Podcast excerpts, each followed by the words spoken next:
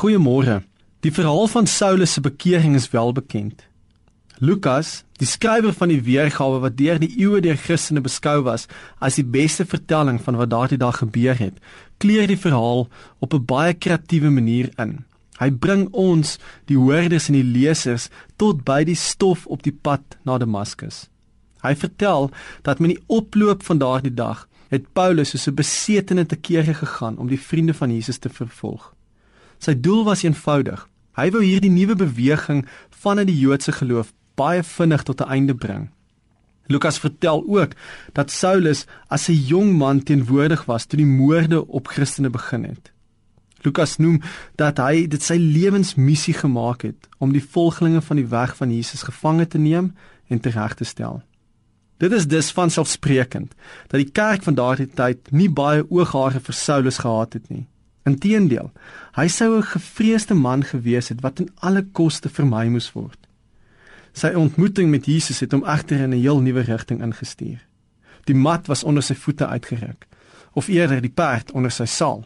Lukas vertel dat hy so groot geskrik het dat hy bo van sy perd afgeval het en op die stofpad beland het. Ons het hier te maak met 'n spiritualiteit van skrik. En ek dink baie hieroor ontmoetings wat jou stom slaan, jou met blindheid tref, jou eetlus wegneem en jy vir etlike dae weerloos wag op God. Dis egter nie net Saulus wat ontdek wie Jesus eintlik is nie.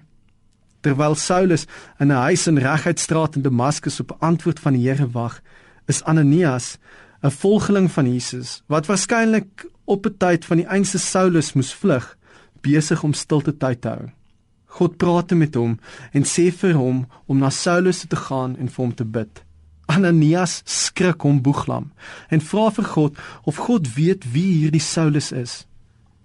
Die Here steur hom agter min aan Ananias se vrese en gee hom die opdrag om na die gevaarlikste man in die tyd van die vroeë kerk te gaan. God neem Ananias oor 'n grens wat hy in sy wildste drome nie gedink het moontlik is om oor te steek nie. Lukas vertel 'n wonderlike verhaal. Twee mense ontmoet Jesus. 'n Trotse kampvegter val van sy perd af en maak 'n 180 grade lewensdraai. En die ander een ontmoet sy grootste vyand en noem hom sy broer. Mag jy die genade ontvang en mag God jou die waagmoedige gehoorsaamheid gee om agter die leeu aan te loop.